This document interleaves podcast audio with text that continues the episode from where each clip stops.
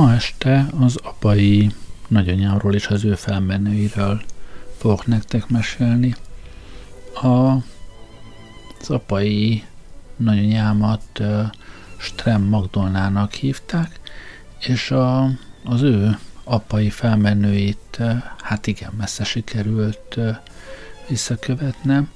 A legrégebbi Strem, akit találtam, az egy bizonyos Strem Dávid, aki 1802-ben született és 1848-ban halt meg, de még az ő apósa, egy bizonyos Preis Ábrahám is rajta van a radaron, 1748-ban született, és 1856-ig élt, ami azt jelenti, hogy 108 évet élt meg az öreg, ha csak össze nem keverték valahol a, a krónikákban a saját apjával mondjuk, és egy két generációs Price Abrahamot sikerült egynek lekönyvelni, de hát mindegy, és a lényeg az, hogy a legrégebbi Strem, akiről tudok, az Strem Dávid 1802-ből, és az ő fia 1831-ben született, 1920-ig élt, egy bizonyos Strém Bernát, ő nagyon fontos ember volt Nagy Kanizsán. Ő alapította a Strem és Klein nevű céget, amiből hát nagyon hosszasan működött, és jól is ment. Egy reklámot olvasnék fel tőlük. Strem és Klein Kanizsán alapítatott 1865 legjutányosabb bevásárlási forrás az összes fűszer, csemege és gyarmatárú cikkekben. Legnagyobb raktár budapesti lisztekben, kávé, tea és rum különlegességekben. Pontos és gyors kiszolgálás. Megrendelések házhoz szállítatnak. Ez a reklám 1905-ből származik, tehát a cég minimum 40 éven keresztül működött, de én úgy tudom, hogy még, még azután is jócskán megvolt, öröklődött, apáról, fiúról. Ha már így a, az öröklésnél vagyunk, van egy végrendeletem, ez egy, ez egy könyvből került ki, Zala megyeiről szóló könyvből. Ennek a bizonyos Trembernátnak a, a végrendelete, ezt legalábbis a nagyját felolvasom, mert, mert érdekes. Előttem dr. Pilhál Viktor nagykanizsai királyi közjegyző előtt, alulírott helyen, évben, hónapban és napon, megjelent, mint ügyfél, Strem Bernát nyers terménykereskedő, nagykanizsai lakos, kit személyesen ismere, és most nevezett ügyfél Kolozsvári Ödön magánzó és Szamek Mór magánhivatalnok, mindketten nagykanizsai lakosok, mint általam szintén személyesen ismert, az ügymenet egész folyam alatt együttesen és folyamatosan jelen volt ügyleti tanúk jelenlétében, személyesen, élőszóval, következőleg jelentette ki előttem végakaratát. Én, Strem Bernát, ezennel kívánom és rendelem, hogy holtom után hagyatékomból aranyórám és aranyóra láncom hagyományképpen adassék ki tulajdonul Strem Gézának, aki az én elhal Strem Tivadar nevű fiamnak gyermeke. Továbbá fizetessék ki tehermentesen készpénzben Strem Móric nevű fiamnak 8000, azaz 8000 korona, Strem Leopoldina férjezett ifjú Kón Morné nevű lányomnak 6000, azaz 6000 korona, Strem Karolin, özvegy keleti Ignászni nevű leányomnak 6000, azaz 6000 korona, Strem Rozinak, aki az én élő Strem József nevű fiam leánya, 1000, azaz 1000 korona, Strem Juliskának, aki az én elhalt, Strem Tivadar nevű fiam leánya, 1000, azaz 1000 korona.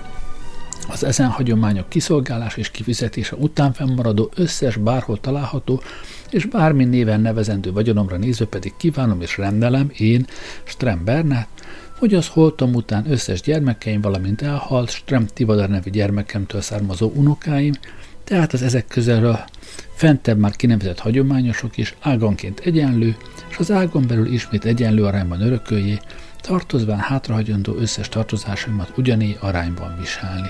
Ez végrendeletem.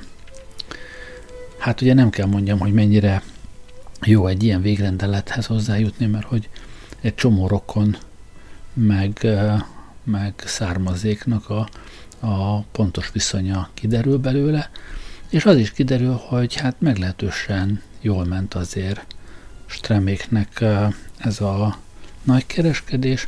Amúgy egyébként a, Nagykanizsán máig áll egy bizonyos, talán még mindig Stremház néven létező intézmény, amelyik Stremház, hát mindjárt megmondom a címét is, a Király utca 30 uh, ban van, tehát Nagykanizsán.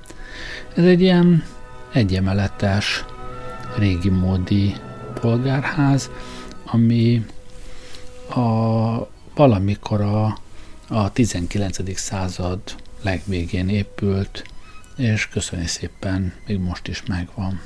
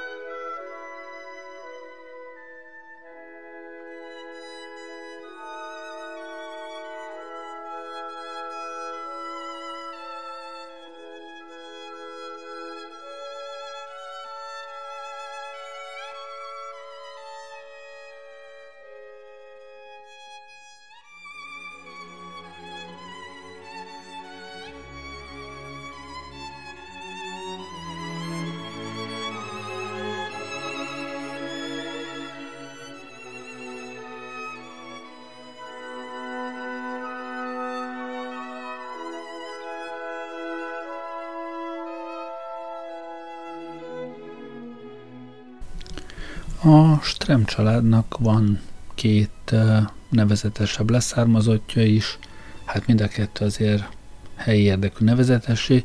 Az egyik egy újságíró, a másik pedig Strem Kálmán, aki, aki szociológus és koncertszervező volt, és ezen a néven elég sokan ismerték, és nagyon jó kapcsolatban volt a magyar zenei élet nagyjaival. De hát róluk kevésbé akarok beszélni, mert ők hát távoli oldalági rokonok mindketten. Úgyhogy ereszkedjünk lejjebb a családfán pár generációt. A Strem Bernátnak, akiről az előbb beszéltünk, az unokája, egy bizonyos Strem Ödön ö, nevű jó ember, ő 1879-ben született, és hát ő már első generációs értelmiségi, ő állatorvos lett. Ő is még Nagykanizsán született, de aztán, mint állatorvos az országban hol ide, hol oda helyezték, egészen addig, amíg el nem érkezett az első világháború, ahova is, hát neki is be kellett vonulnia. Na most a családi legendák úgy tudták, én mondjuk nem tudtam, de nekem aztán mostanában úgy mesélték, hogy ők úgy tudták, hogy, hogy az én e, dédapám nekem ugye ez, az én dédapám e, nagyjából a, az első világháború legelső halottja lehetett, és nem is látott e, csatateret, mert még odafelé mentükben valami valami kájhabaleset, vagy nem tudom, szénmérgezés, vagy valami ilyesmiről motyorolkoltak, és hogy hát szegény Dédi meghalt a háborúban menet. Hát utána keresve ennek a felese igaz. Az igaz, hogy meghalt szegény Dédi, de a körülmények teljesen mások voltak. Olvasom az ide vonatkozó újsághíreket.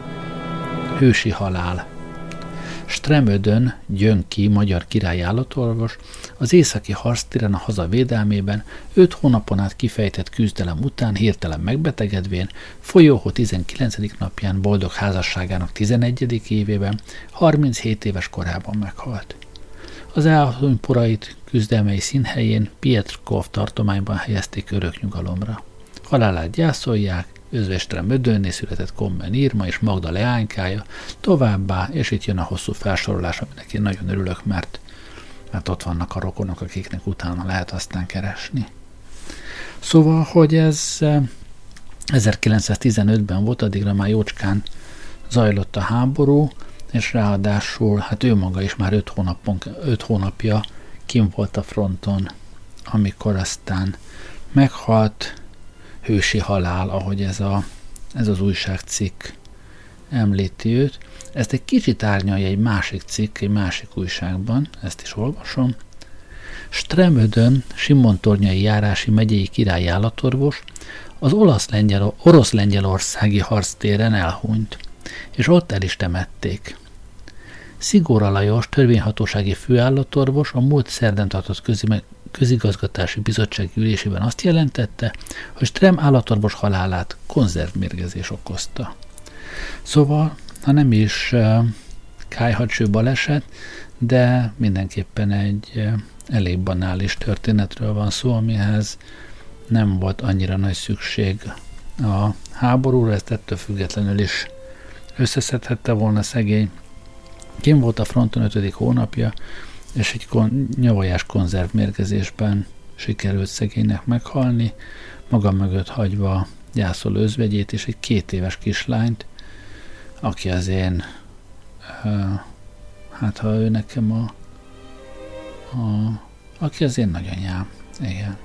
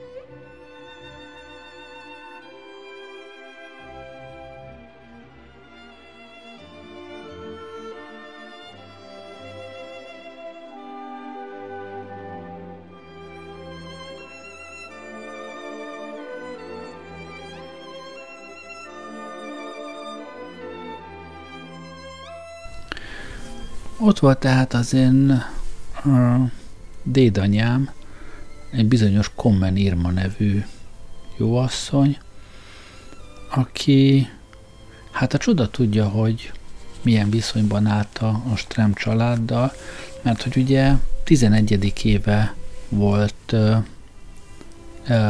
a felesége, a Stremödönne, ott volt ez a meglehetősen jó módú gazdag zsidó család, a népes Strem Nagykanizsán. Ehhez képest az én dédanyám valamiért meglépett Nagykanizsáról, és a saját rokonsága körében keresett magának támaszt vagy segítséget, mégpedig az unokatestvéréhez költözött egy bizonyos Jünker Pálhoz.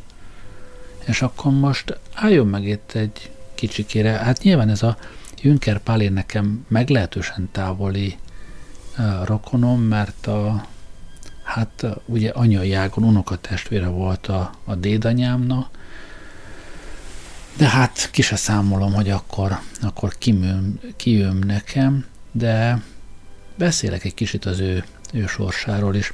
A Jünker Pál, ez egy jól menő ügyvéd volt, akinek meglehetős tragikus élete volt. Itt van előttem egy halálozási jelentés 1918-ból, tehát ez három évvel azután van, hogy a, a dédanyám ott maradt özvegyem. Hát ez a Jünker Pálné halt meg akkor, és ezzel Jünker Pál is özvegyem maradt.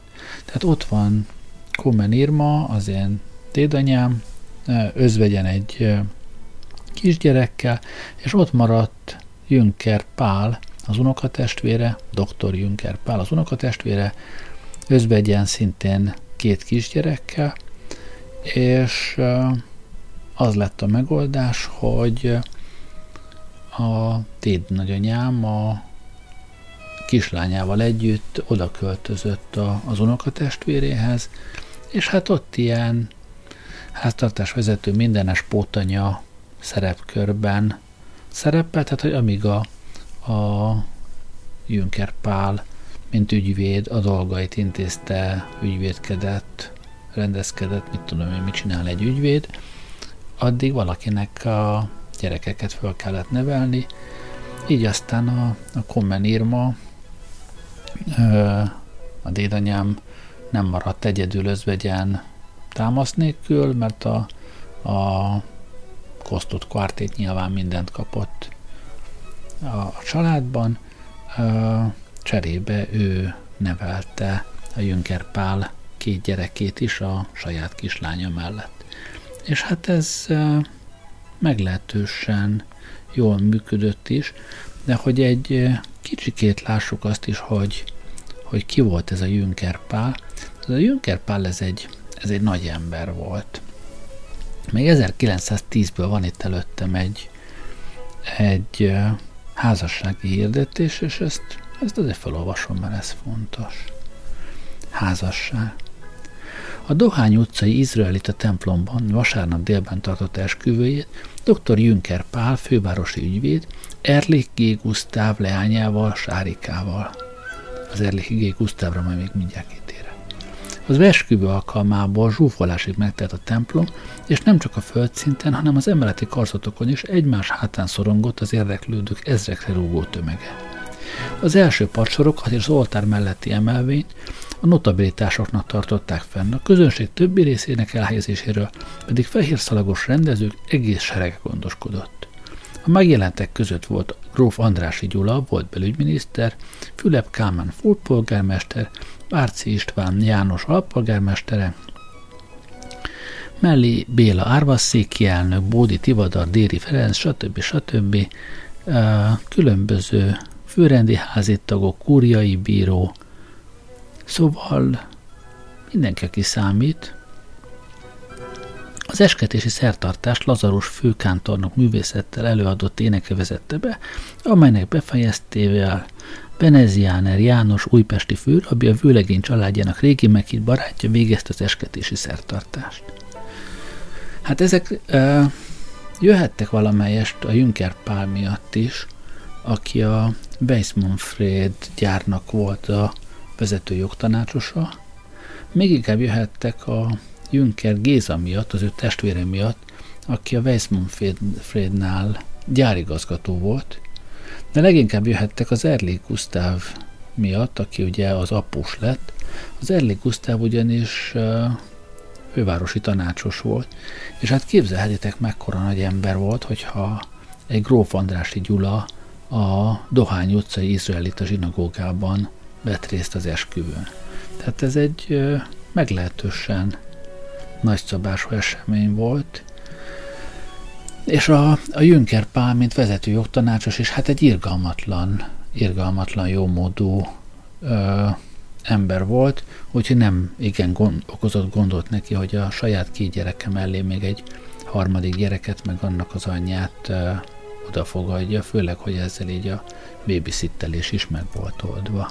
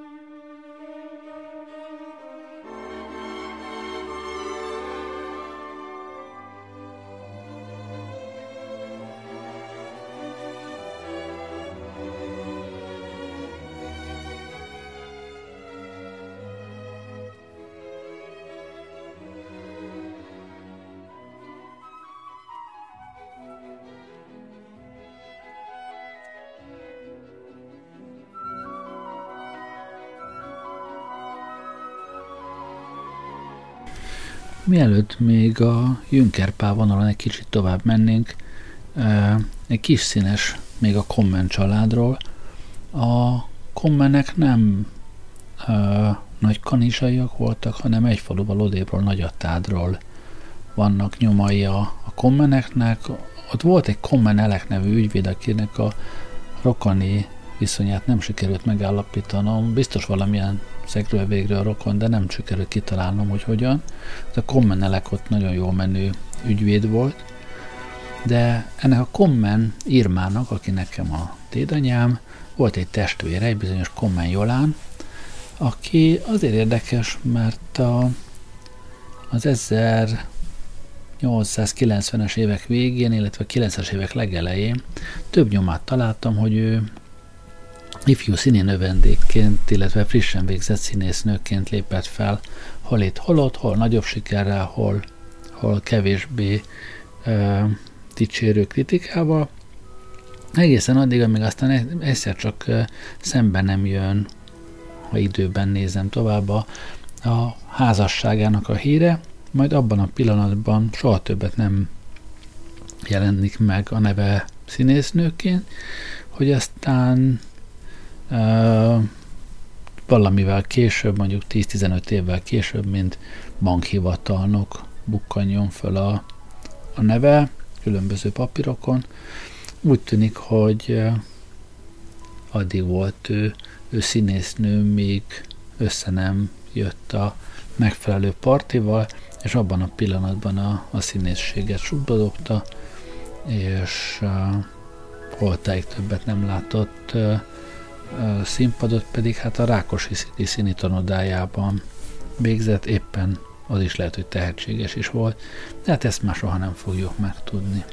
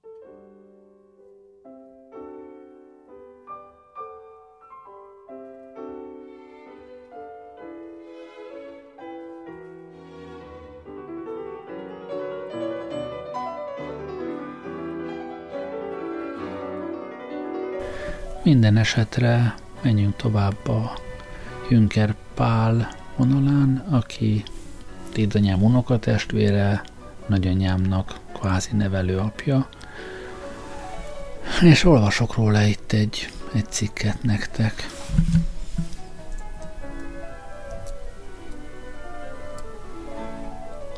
Dr. Jünker Pál, a Csepeli Weiss Manfred művek jogtanácsosa fejbe lőtte magát. Szombaton, a kora délutáni órákban a Kávin tér 7 számú házban dr. Jünker Pál, a Csepeli Weiss Manfred művek jogtanácsosa fejbe lőtte magát. Dr. Jünker Pálnak a Kávin tér 7 számú ház második emelet egyes számú helyiségében van az irodája.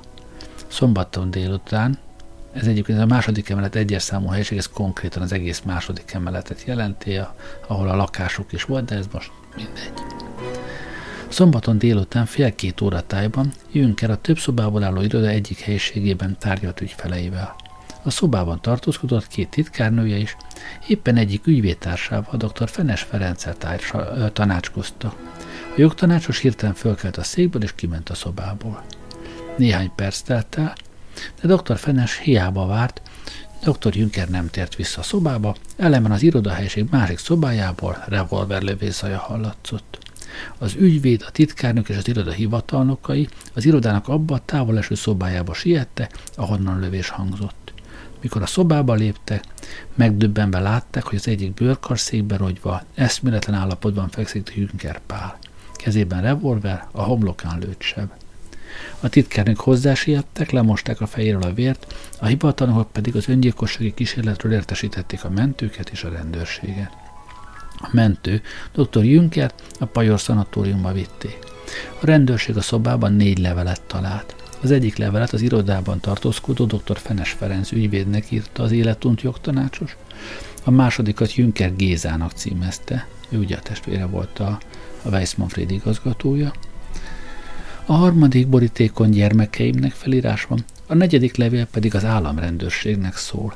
Ennek a levélnek a szövege a következő. Tekintetes főkapitányság. Betegségem és idegeim fokozatos, állandó romlása miatt vettem kezembe a fegyvert. Vagyoni viszonyaim rendezette, irodám ügyei tökéletesen rendben vannak. Az öngyilkosságról értesítették Jünker hozzátartozóit, akik azonnal a szanatóriumba siettek. Értesítették a Weissmanfried gyárat is, amelynél Jünker fontos és széleskörű rendelkezési joggal felruházott állást töltött be. Az életunt jogtanácsos az esti órakig nem nyerte vissza eszméletét, és állapota nagyon súlyos. Jünker Pál mindössze 53 éves. Felesége Erlich G. Gustav egykori fővárosi bizottsági tag leánya volt, és tíz évvel ezelőtt a spanyol járvány következtében halt meg. Két gyermeke van, egy 24 éves leány és egy 18 éves fiú. Dr. Jünker Pál, akinek három emeletes háza van Pesten és nyaralója Mátyásföldön, a Deák Ferenc utca három számú házban levő hatszobás lakásában lakott. Az utóbbi években szívbántalmakról panaszkodott ismerősei előtt. A tavasszal Bécsbe utazott, ahol Wenkenbach tanár vizsgálta meg, aki kijelentette, hogy teljes nyugalomra van szüksége. A jogtanácsos azonban továbbra is ellátta sok munkát adó irodája vezetését, Két évtizede van a Weiss gyár szolgálatában. Dr. Fenes Ferenc ügyvéd, aki közvetlenül az öngyilkosság előtt tanácskozott vele, elmondotta, hogy jogi ügyekről tárgyaltak, és ezekkel kapcsolatban semmi olyasmiről nem volt szó, ami a jogtanácsost felizgathatta volna, és elő, előtte is rejtélyes, hogy mindította arra, hogy a társadalmást minden ok nélkül hirtelen megszakítva a másik szobába siessen és kezébe vegye a fegyvert. Aztán olvastam én ennek bulvárosabb verzióját is, ami arról is szól, hogy a, a családdal egyébként éppen ki voltak települve a Mátyás földi nyaralóba, tehát nem a, a pesti lakásukban, a Deák Ferenc utcában uh, laktak akkor éppen, hanem, hanem kint a, az úgymond vidéki, a Mátyásföldi nyaralóba, onnan járt be dolgozni, e, és hát aznap is onnan ment be, aztán a, a bulvárcik nyilván elmesélt, a gyerekeket hogy értesítették, meg mit tudom, micsoda. A lényeg az, hogy hát nem élte túl a, az öngyilkosságot, a, arról van szó, hogy a felesége halála után uh, masszívan depressziós lett, és hát lényegében valahogy addig kihúzta, míg a, a gyerekei felnőttek, a, a lánya 24 éves volt már, mire öngyilkos lett, és a fia tizen, betöltötte a 18-at. Igazából állítólag már akkor is kacérkodott az öngyilkosság gondolatával, amikor meghalt a felesége, de hát akkor még a, a gyerekei lényegében visszatartották, illetve hát a felelőssége, hogy a gyerekeit felnevelje, de aztán amint a, a gyerekek nagykorúak lettek, akkor úgy tűnik, hogy már nem érezte úgy, hogy van miért éljen annyira oda volt a, a felesége után. Szóval így maradt ott ezek után a, az én a dédanyám az addigra már hát nagy lány gyerekével, az én 那就念阿木了。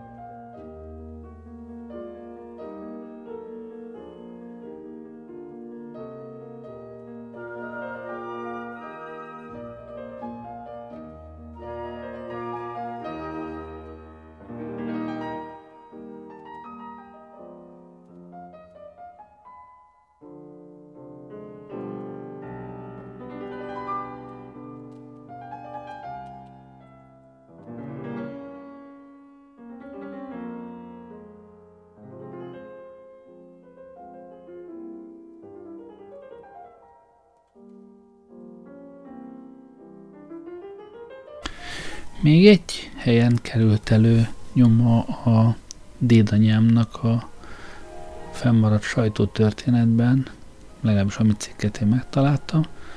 Ezt elolvasom nektek, mert igazából a dédanyámról sok szó nincs benne, de sajátos napi aktualitása van, úgyhogy szerintem érdekes lesz. Látogatás a csúszó süllyedő házakban a Várhegy oldalán. Az Attila utca 85 számú házban bedőlt egy lakás, izgalom a Logoda utcai, Logodi utcai és a Lovasúti házakban. Ez egyébként 1936. januárjából származik ez a cikk. Megírtuk, hogy a Várhegy vérmezőre néző oldalán a hegycsúszamlása következtében egyes házakon repedések jelentkezte, úgyhogy a főváros mérnöki hivatalának emberei többszöri helyszíni szemlét tartotta, hogy megállapítsák nem életveszélyes a kritikus helyeken levő házakban bent tartózkodni. Először megállapította, hogy a Várhegy csúszomlásának oka alig, hanem az, hogy az Attila utca 87 számú házat lebontva új házépítésére készülnek a telken, és így rengeteg földet vittek el erről a helyről a szakértők lehetségesnek tartják, hogy a hegyoldalban a föld az elvett támaszték következtében csúszik lefelé, és ha bár ez a csúszás naponta alig néhány centiméternyi, mégis a legnagyobb bajok keletkezhetnek, ha idejében nem tudják a baj igazi okát megtalálni és a hegycsúszamlást megállítani. A Logodi utca és a Lovas út megtelt az ellenőrző bizottság embereivel, és két napja munkások jelentek meg, akik a két utca kocsi útját kezdték felbontani. A bizottság véleménye szerint ugyanis lehetséges az is, hogy egy régen elfelejtett forrás okozta a bajt a Várhegy mélyében. Éppen ezért a Logodi utcában és a Lovas úton fúrni kezdenek lefelé a talajba, de hétfő estig nem jutottak víznyomára. A Logodi utcában titokban már pakolnak a lakók. A bizottság megtekintette a veszélyeztetett házakat, bement a lakásokban, méréseket végzett, és úgy határozott, hogy az Attila út 85 számú ház kivételével egyelőre a többi házban nincs közvetlen veszély. Hétfőn délután a Logodi utca és a Lovas út környékén serény munka folyt. A Logodi utca 63 számú ház előtt, amely az utca egyik legmodernebb négyemeletes palotája, a gázművek emberei vájták a földet, hogy a gázcsöveket nem lapította össze a földcsúszamlás a Logodi utca 63 számú ház bejáratát a bizottság határozatának megfelelően gerendákkal utcolták alá, úgy, hogy a ház bejárata olyan, mint egy félig készház kapuja.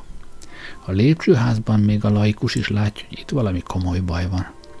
A bejáratnál az ötödik márvány lépcső teljesen szétdőlt, az elegáns lépcsőházban pedig innen is, onnan is leesett a márvány burkolat, és a csupasz falakon ijesztő repedések láthatók. A Logodi utca 63 számú házban érthetően nagy az izgalom.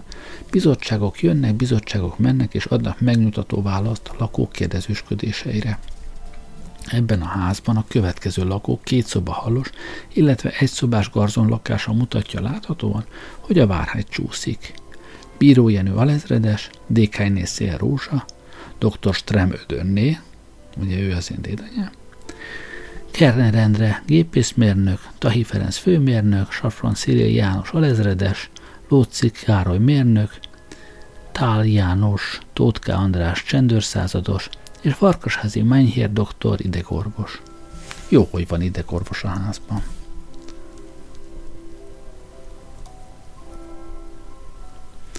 Belátogattunk a veszélyeztetett lakásokba, amelyeknek lakói érthetően a legnagyobb izgalomban várják a fejleményeket özvegy Tremödönni második emeleti két szoba hallos, elegáns lakásában, az előszobában, halban és a mellékhelyiségben ijesztő repedések mutatkoznak a falon január 1 -e óta. A lakás tulajdonos nője, özvegy Stremödönni, kikészítette már a kofferokat, és készenlétben áll arra az esetre, ha hurcalkodni kell. A szakemberek ugyan megmutató kijelentéseket teszne, de az úriasszony három éjjel nem hunyta le a szemét, és hétfőn ilyeten állapította meg, hogy a falban látható repedések ismét nagyobbodtak. A többi lakásban aránylag kedvezőbb a helyzet. Legkedvesebb és leggroteszkebb az egészben egy tábla a Logodi utca 63 számúház bejáratán. Lakáskiadó. Amúgy a házról még azt is tudni lehet, hogy ez a Junker Pál tulajdona volt, és hát a Junker Pál halála után ez ugye körülbelül három évvel későbbi ez a cikk, mint ahogy a Jükkerpál meghalt. Az egyik lányának a, és annak a férjének a tulajdonában volt a ház, hogy pont az a lakás, az a, a dédanyám tulajdonában volt, hogy ezt neki adták-e, vagy ő ott bérlő volt, hogy micsoda ezt. Hát nyilván ennek az újságcikknek az alapján nem lehet megtudni, de minden esetre úgy tűnik, hogy a Jünker családdal a kapcsolata az a Jünkerpá halála után is megmaradt, mert hogy hát az ő házukban volt lakása, egészen addig, míg ez a, a hegycsúszás be nem következett, hogy aztán ennek mi lett a további sorsa, arról nem tudok. A, az biztos, hogy a, az én nagyanyám már nem örökölte meg azt a lakást, akármi is lett vele. De hát közben azért történt ott még egy más. Hát mondjuk, hogy ennyi. Köszönöm szépen, hogy velem voltatok ma este. Hallgassunk még egy, egy kis Mendelzont, mert szerintem az jó. Jó éjszakát kívánok, que es la ira de Uson.